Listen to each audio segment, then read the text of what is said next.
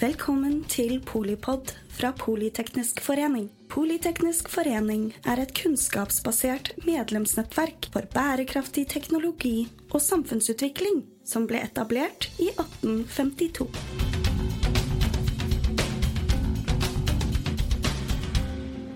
Velkommen til denne timen hvor vi skal fokusere på hvordan få styreverv, og hvordan bli et godt styremedlem.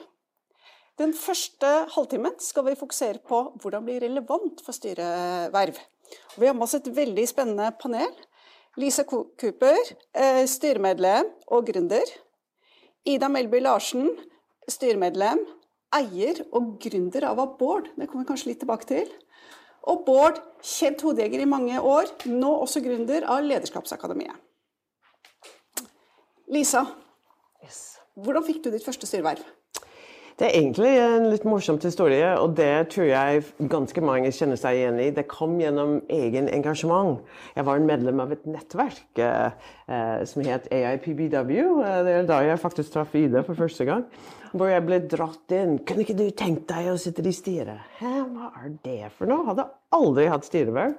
Eh, men det som skjedde, tror jeg var nestleder eller vice president eller hva det var for noe, i kanskje to måneder før hun som var styreleder, eh, bestemte seg nei, jeg skal gjøre noe annet. Så plutselig ble jeg styreleder. Null erfaring. Eh, men det var et trygt sted å starte. Ja. Så etter det så ble jeg relevant for Kvinneuniversitet i Loten. Eh, så, så, du hører, det var min engasjement, og det tror jeg er en god sted å starte. Hva engasjerer deg? Det er lettere å tilnærme seg, mener jeg, eh, saken, og særlig den strategiske utvikling. Og så ble det kurs i styrearbeid ved BI, som jeg tror jeg faktisk tok også med deg. og da begynte det å balle på seg på den litt mer alvorlige. Da var det første verv i Simrad Optronics. Eh, og hvorfor det? Pga. jeg jobbet i Forsvarets kommunikasjon, så jeg var faktisk ekstremt relevant. Og da har det, jeg tror jeg skal stoppe der, men jeg hadde lyst til å ha den vinkling at det kom fra interesse. Mm. Litt kursing, og så litt mer i det profesjonelle. Ida, dere og Bård har gjort eh, noen undersøkelser som tyder på at man rekrutterer mye til styret via nettverk. Kan du si litt mer om det? Det kan jeg si litt mer om. Jeg, har tatt med meg litt uh, tall også. Uh, I dag så vet vi at over 87% av Norges 700 000 styremedlemmer rekrutteres gjennom egne nettverk. Og når vi sier egne nettverk, hva er egentlig det? Det er altså rekruttering blant venner, bekjente, tidligere kollegaer, forretningspartnere, studievenner, familie. Eh, og andre bekjente av, av dem igjen. Eh, det har vært veldig mye snakk rundt eh, ASA-ene, men på AS-nivå, altså aksjeselskapsnivå, så vet vi at det er 80% menn og 20% kvinner når det gjelder styremedlemmer der. Så uh, hele uh, 76 i de selskapene, uh, altså AS-ene, har kun menn i styret. 9,1 har kun kvinner. Og så er det 20,3% som har begge kjønn representert. Og da skjønner dere at er, her er det jo litt sånn bransjeforskjeller også. Så f.eks. i helsesektoren så er det jo mye kvinner og rene kvinnestyrer. Eh, Janne, du nevnte for meg innenfor fiskeri. Eh, der er det veldig mye menn og rene mennsstyrer. Så, så det er også ulike bransjeforskjeller. Det har vi skrevet litt om i en artikkel uh, som ligger på nettsidene til Abord, hvis dere er nysgjerrig på litt mer dypdykk der. Eh, så er det jo disse selskapene, altså AS-ene, hvordan ser dette ut? Så ca. 50% har én til to styrerepresentanter. Det er jo typisk enten at de er liksom startet opp selv, eller er altså, små selskaper. Eh, mann, kone, eh, som, hvor én er vara og én er styreleder. Altså den type selskaper.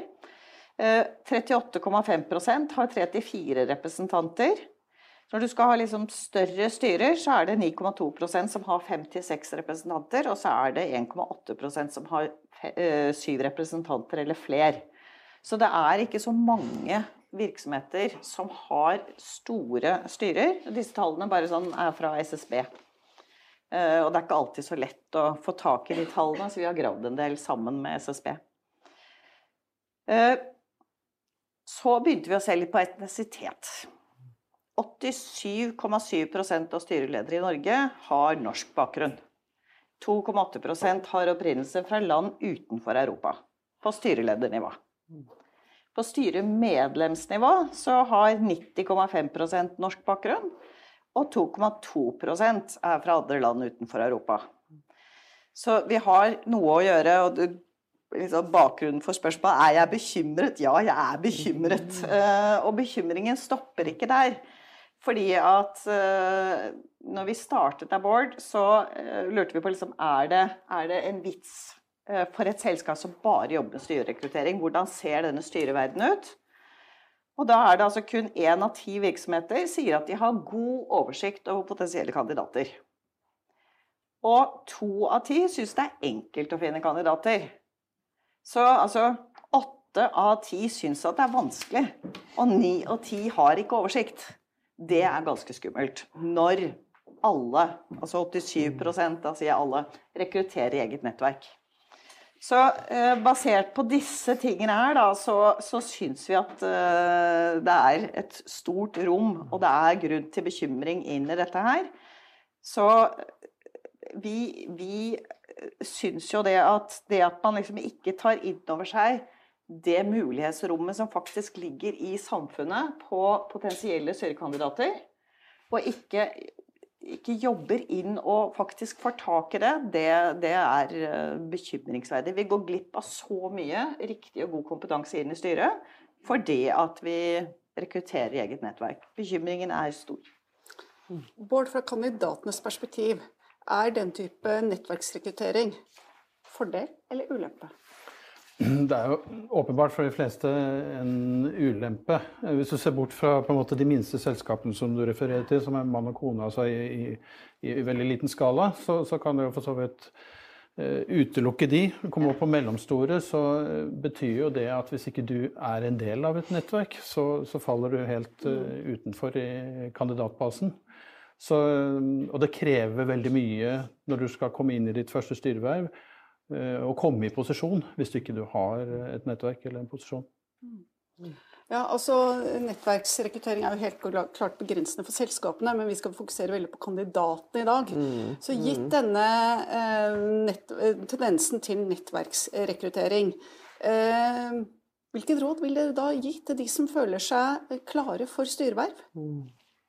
Mitt, mitt, råd er uh, egentlig å oppsøke uh, steder som er. Det er blitt, uh, særlig pga. den nye lovgivning, det er mange selskaper som vil gjøre dette. Som ser utfordring, som vil være den mellomledd. Men det er også mange rekrutteringsbyråer også som har det som en særskilt ansvar. jeg har personlig blitt oppringt også av ganske mange som ja, kan vi ta en kaffekopp? Jeg vil gjerne vite hvordan det er. Innhente erfaring fra folk mm. som sitter Eh, og har spennende styreverv eh, for å bare få litt eh, råd og veiledning på veien. Mm. Jeg, jeg, følger deg helt på det, Lisa. Men, men det er jo også det å bli, bli, oppdaget eller bli aktuell eh, krever jo at du bruker eget nettverk eh, aktivt. Ja. Eh, og, og, veldig ofte når, når, man tar tak i på en måte det å skulle bruke nettverket, så tenker man på familie og venner og, og de man sånn umiddelbart er komfortabel med å ta kontakt med. Men min påstand er at det er ditt dårligste nettverk. Mm. De vil deg vel, men, men, men, de legger også begrensninger for deg. Så det rikeste nettverket er jo antageligvis det som er eh, ditt profesjonelle nettverk. Det kan være folk du har jobbet sammen med, det kan være eh, leverandører du har samarbeidet med, det kan være andre eksterne samarbeidspartnere som du har møtt eh, på din vei, som kan bidra til å lose deg frem. Og de har også ofte et mye mer sånn åpent sinn i forhold til hvordan de presenterer deg, enn de som kjenner deg veldig godt, for de kjenner deg fra én type rolle. Mm. Lisa, er du enig i det? At det er... Kan jeg bare ja. si en ting også? Fordi det, altså, det er et veldig godt profesjonelt nettverk som jeg er helt sikker på at alle sammen her er medlem av, og det er LinkedIn. Ja, was just skal si Yeah. Uh, altså, uh, på LinkedIn, si at du er interessert i syreverv. Uh, pass på at den profilen din er god. Uh, presenter deg der. Eh, lik, kommenter på ting som gjelder styreverden. Så liksom start der, i hvert mm. fall. Og så, eh, og så, snakke med alle de ulike rekrutteringsselskapene. Og så er det også i forhold til mange også rekrutteringsselskaper sånn Ja, så, så vis interesse for jobber der også, sånn at du får en inngang til å presentere det. Mm. Eh, det har du sikkert en tanke i forhold til. Jeg, jeg, jeg, jeg, faktisk, jeg har faktisk lyst til å si litt imot deg. Ja, fint. når, når, du sier rekrutteringsselskapene. fordi nå representerer jeg den bransjen, så jeg burde jo løfte det fram. Men realiteten Jeg har vært i den bransjen siden midten av 90-tallet. Realiteten er at det er veldig få styre rekrutteringen som går gjennom rekrutteringsbransjen. Mm, okay. det, er, det, er, det, er, noe, selvfølgelig, eh, men, men, hvis du tenker på mengden av styreverv der ute, så er det en forsvinnende liten del som går gjennom rekrutteringsselskapene. Så det å bygge nettverk, og, og kanskje også aktivt posisjonere seg i forhold til valgkomiteer, er utrolig viktig. Men uh, Vi skal tilbake til Lisa, men før det, hvordan uh, posisjonerer man seg overfor valgkomiteer?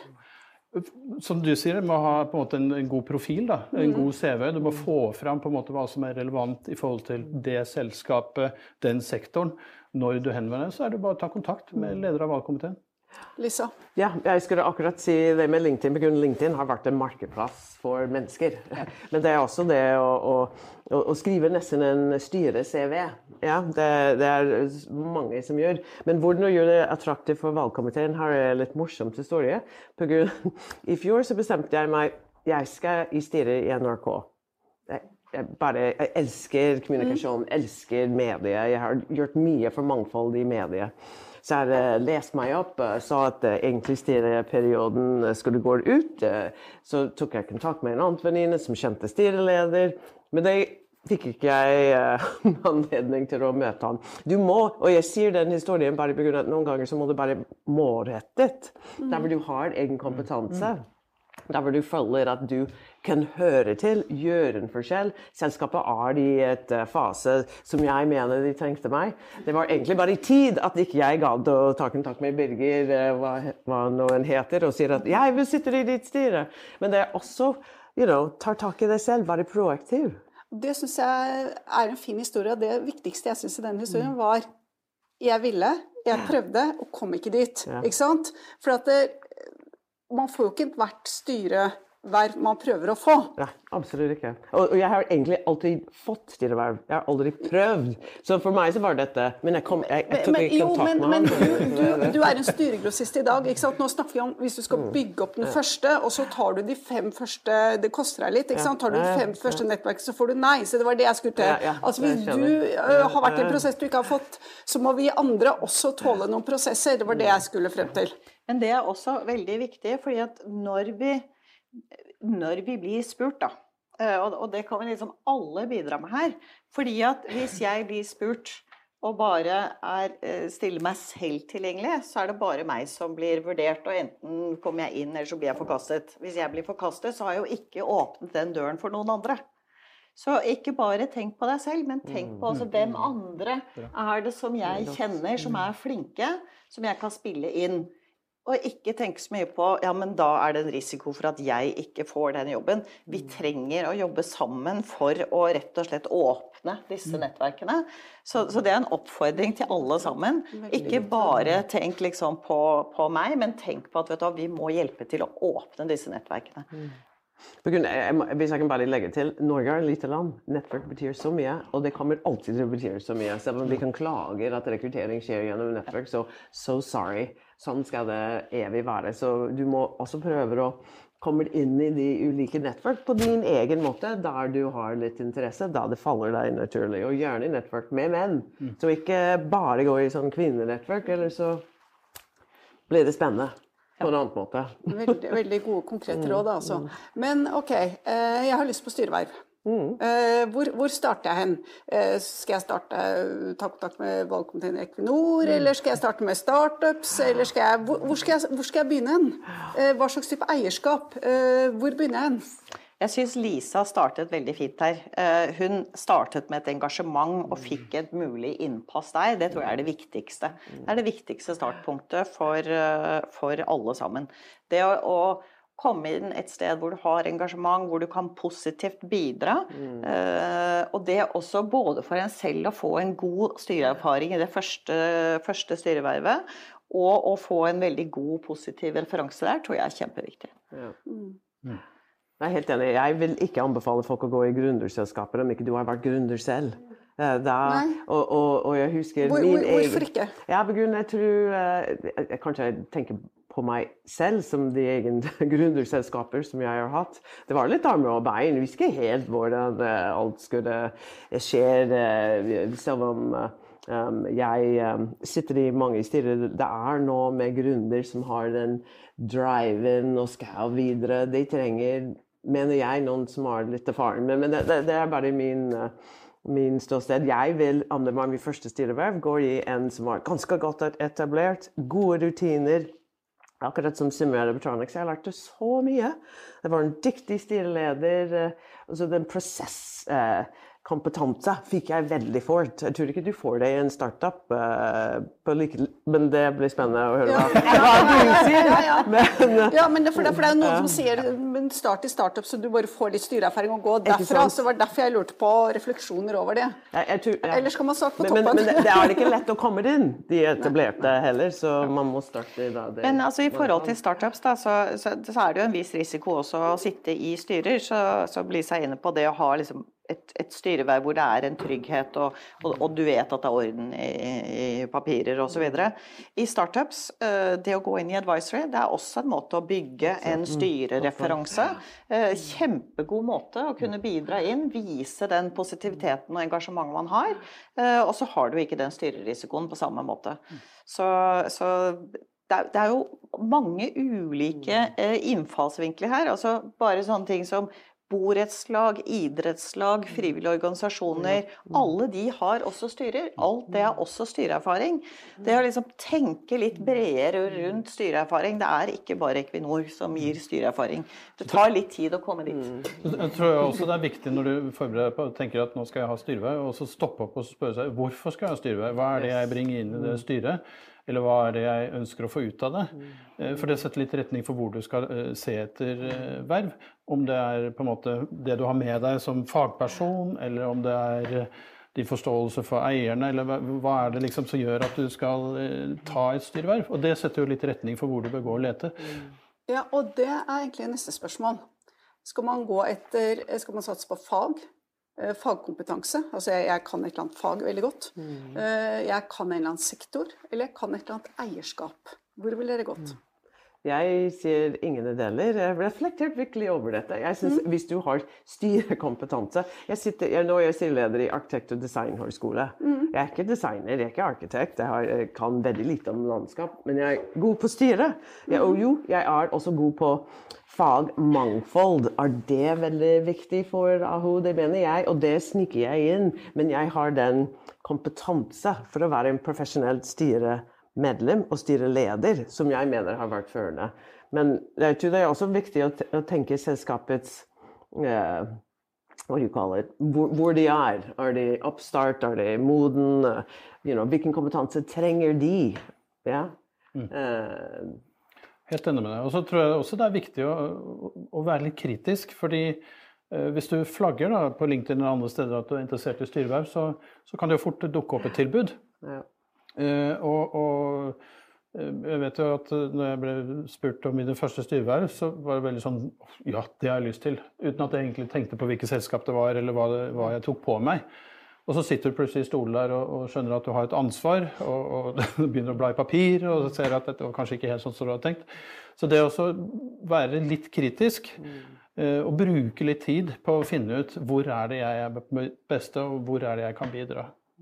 Hva er det man skal se etter da, når man skal se etter hva man ikke skal gjøre? Eller altså hvilke mm. styreverv man ikke skal gå for i sitt første eller, eller femte? Det kan være forskjellig, for det kommer jo an på hva du vil ta med deg inn. Altså, la oss si du har, Din styrke er på en måte eh, regnskapskompetansen, det analytiske, mm. det å gå inn og, og være en problemløser. Det er jo en ressurs for styret og administrasjonen i det. Så, så kan det jo være med, med, åpne øyne greit å gå inn i et selskap som er i en vanskelig situasjon, mm. for å bruke den kompetansen. Men hvis du ikke har den kompetansen, mm. så bør du iallfall styre unna selskaper som er i en krevende situasjon. Det betyr jo at du må gjøre en analyse i forkant. Mm. Og så må du se på altså, hvor mye ressurser har du tilgjengelig. For i, mm. i et, krev, altså et, selskap som står i en krise eller en krevende situasjon, så er det mer arbeidsomt å sitte i det mm. styret. Uh, og hvis du ikke har den tiden eller kapasiteten, så bør du jo ikke gå, gå inn i det. Eh, og så er det jo, som du er inne på, det er helt avhengig av den kompetansen du har. Og så må du tenke på den virksomheten i forhold til hvordan den er satt opp. Og så bør du jo også tenke på de andre som sitter i det styret. Hvilken kompetanse har de? Hvordan er vi komplementære eh, eller ikke komplementære? Eh, sånn at du ikke bare har et type ja-styre med helt like mennesker. Sånn at du får den mangfoldigheten inn i styrerommet, sånn at styret er gode for virksomheten og det virksomheten skal. Og sånn at du klarer å tydeliggjøre din egen kompetanse innå, kanskje. Ja. Mm. Jeg, jeg, skulle også si det er litt annerledes enn en Bård og Ida her. Du må kunne identifisere med deg selskapet. Jeg, jeg sa på AHO jeg, jeg er ikke arkitekt, jeg er ikke designer, men gudskjelov, jeg elsker å jobbe med studenter. Gudskjelov, jeg elsker den utviklingen i høyskolesektoren. Så den, den identifikasjonen med mål, visjon, og, og må være nok til at du gidder å lese papirer som har litt sånn over, over the top, osv. Så, videre. så hva som men det er kanskje meg. Altså, bare tenk, altså, når vi startet Abord, så, så, gjorde vi en sånn undersøkelse på hvordan dette ser ut. Og en av de tingene som også kom opp der, og, og det er sånn når man er, er aktuell eller skal inn i prosess i forhold til styreverv, da. Så, så en av tingene som vi fikk vite der, det var jo at Eh, over 60% syns at den rekrutteringsprosessen var uprofesjonell. Så ha litt tålmodighet i den rekrutteringsprosessen eh, hvis dette er noe du faktisk er interessert i. Det er det ene. Og det andre var at over 50% også, når de kom på plass i dette styret, så at dette styret var feil sammensatt. Sånn at altså, man må ha litt tålmodighet inn i For vi er i en bevegelse i en i en profesjonaliseringsfase rundt hele styreverden. Det er kommet opp på agendaen, og det er i en utvikling. Så man må ha litt tålmodighet, og så må man heller da bidra til å få til mer profesjonalitet i den prosessen. Og få til bedre styrerom hvis man ser at det styret er helt feil sammensatt. Da. Så, sånn at man har liksom, du kommer inn og kan påvirke. Det er også et veldig godt råd, for jeg kjenner mange som, som, prøver, som er i ulike prosesser, i jobb eller styreverv eller noe sånt, og så, og så kommer man langt, og så blir man så såret når det ikke går. Ikke for man har gitt sitt aller beste. Så det du sier, er vis litt raushet. Altså, prosessene er ment å være profesjonelle. Kan hende de ikke er så profesjonelle, men man skal ikke ta det til seg. Nei, bidra heller da til forbedring uh, i det, ja. Så ja. Har du noen refleksjoner over det? Du har sikkert vært i noen prosesser på vei til styreverv? Jeg satt og tenkte på det. Altså, jeg tror uh, noen gikk litt for fort. It's like, OK, kan du svare i 48 timer? Um, um, OK. Um, uh, men uh, jeg har ikke vært i så mange profesjonelle prosesser. Det, for, for, å sier du på den måten. Um, Har du møtt sårede kandidater? Ja. Det har stort sett vært 'story of my life'. men, det er alltid én. Ja, alltid, alltid en som er glad. Eh, men eh, ja, det er ofte, det er ofte måte, i styrerekrutteringen kanskje enda mindre innsyn eller mindre struktur enn i en tradisjonell rekrutteringsprosess. Eh, så det, det, skjønner jeg at man kan oppleve. Og det er jo også sånn at eh, det er en annen beslutningsprosess. Som du sier, at Det er ikke uvanlig at du får ganske kort tid på å svare om du tar vervet eller ikke. og Det gjelder særlig eh, jobbet med eierskapsavdelingen i eh, Nærings- og fiskeridepartementet for styrerekruttering der. og da, Der er det satt en tidsfrist på uh, hvor lenge du får tenke deg om. Så det er knapt nok tid til å gjøre en analyse. Og du kan bli kontaktet direkte uten at, du egentlig har vært uh, klar over at du blir vurdert. Mm. Jeg syns det har vært veldig mange gode refleksjoner. Eh, ok, jeg har lyst til å Altså, ja. Mange gode råd her. Men hvis, ta, eh, hvis du skal Lisa, oppsummere eh, de tre beste råd til den som skal i gang med en styrekarriere. Hvorfor må jeg starte? Og så, er bare begynne å tenke. Tre råd fra hver av dere. Det er bare å begynne å notere. Det er ni råd til sammen. Lag, uh, lag, en CV som er rettet mot styreverv. Det, det er alltid Ikke send meg vanlig CV, send meg den styre-CV. Men jeg fant fort ut hva de mente. det neste um, Oppsøk Kan du si kjapt hva er en styre-CV? Da, da, fokuserer du på de ulike styreverv du har hatt. Du, du, du fokuserer på kompetanse i, inn i sektoren, den strategiske, ikke nødvendigvis at du har jobbet i det selskap og det selskap og det selskap. Eh, jeg tror det som trekker veldig høyt opp um, for styreverv, om du har vært med i mange prosesser, om du har vært med i oppkjøp, i mergers and acquisitions, om du har vært med i fisjon, you know I mean? det skal du skryte av, og det kommer ikke så veldig vanlig på en CV hvor du beskriver din bakgrunn. Um, men nå mistet jeg Ja, det var på råd to. To var du på nå. Det var på LinkedIn-profilen. Ja, og så var det nettverk. Uh, oppsøker nettverk med, med, med, menn. Rotteri er uh, ganske glimrende. Uh, det kan være litt eldre menn, men eldre menn har også mye de eier. Det har jeg funnet ut av. og da er det litt spennende. Og den, den, tredje er melde deg inn i, i nettverk som, som, er board. På grunn, når du har flere som har, in, har, det som en interesse, så er det helt utrolig hva du drar nytte av. Folk som virkelig har dette som en forretningsmodell, mm. og bidrar til å luke deg oppe. Klarte det. Kjempetakk. Ida, tre råd. Tre råd. Uh, nummer én, bare start. Ikke sitt og tenk mm. på det. Uh, start. Uh, og så har vi vært gjennom en del ulike ting man kan gjøre, så plukk det som du, fra den listen som vi har vært gjennom i dag, med ulike forslag. Ta én eller to eller tre av de, og start med det. Kom i gang med det. og så er nettverk viktig. Og så kan vi aboard, vi, kan, vi gir deg styre-CV-en din, for det er, det, vi, det er den informasjonen vi har på kandidatene. Mm. Så der får du den. Bård, tre råd. Jeg er glad vi fikk være sist med tre råd.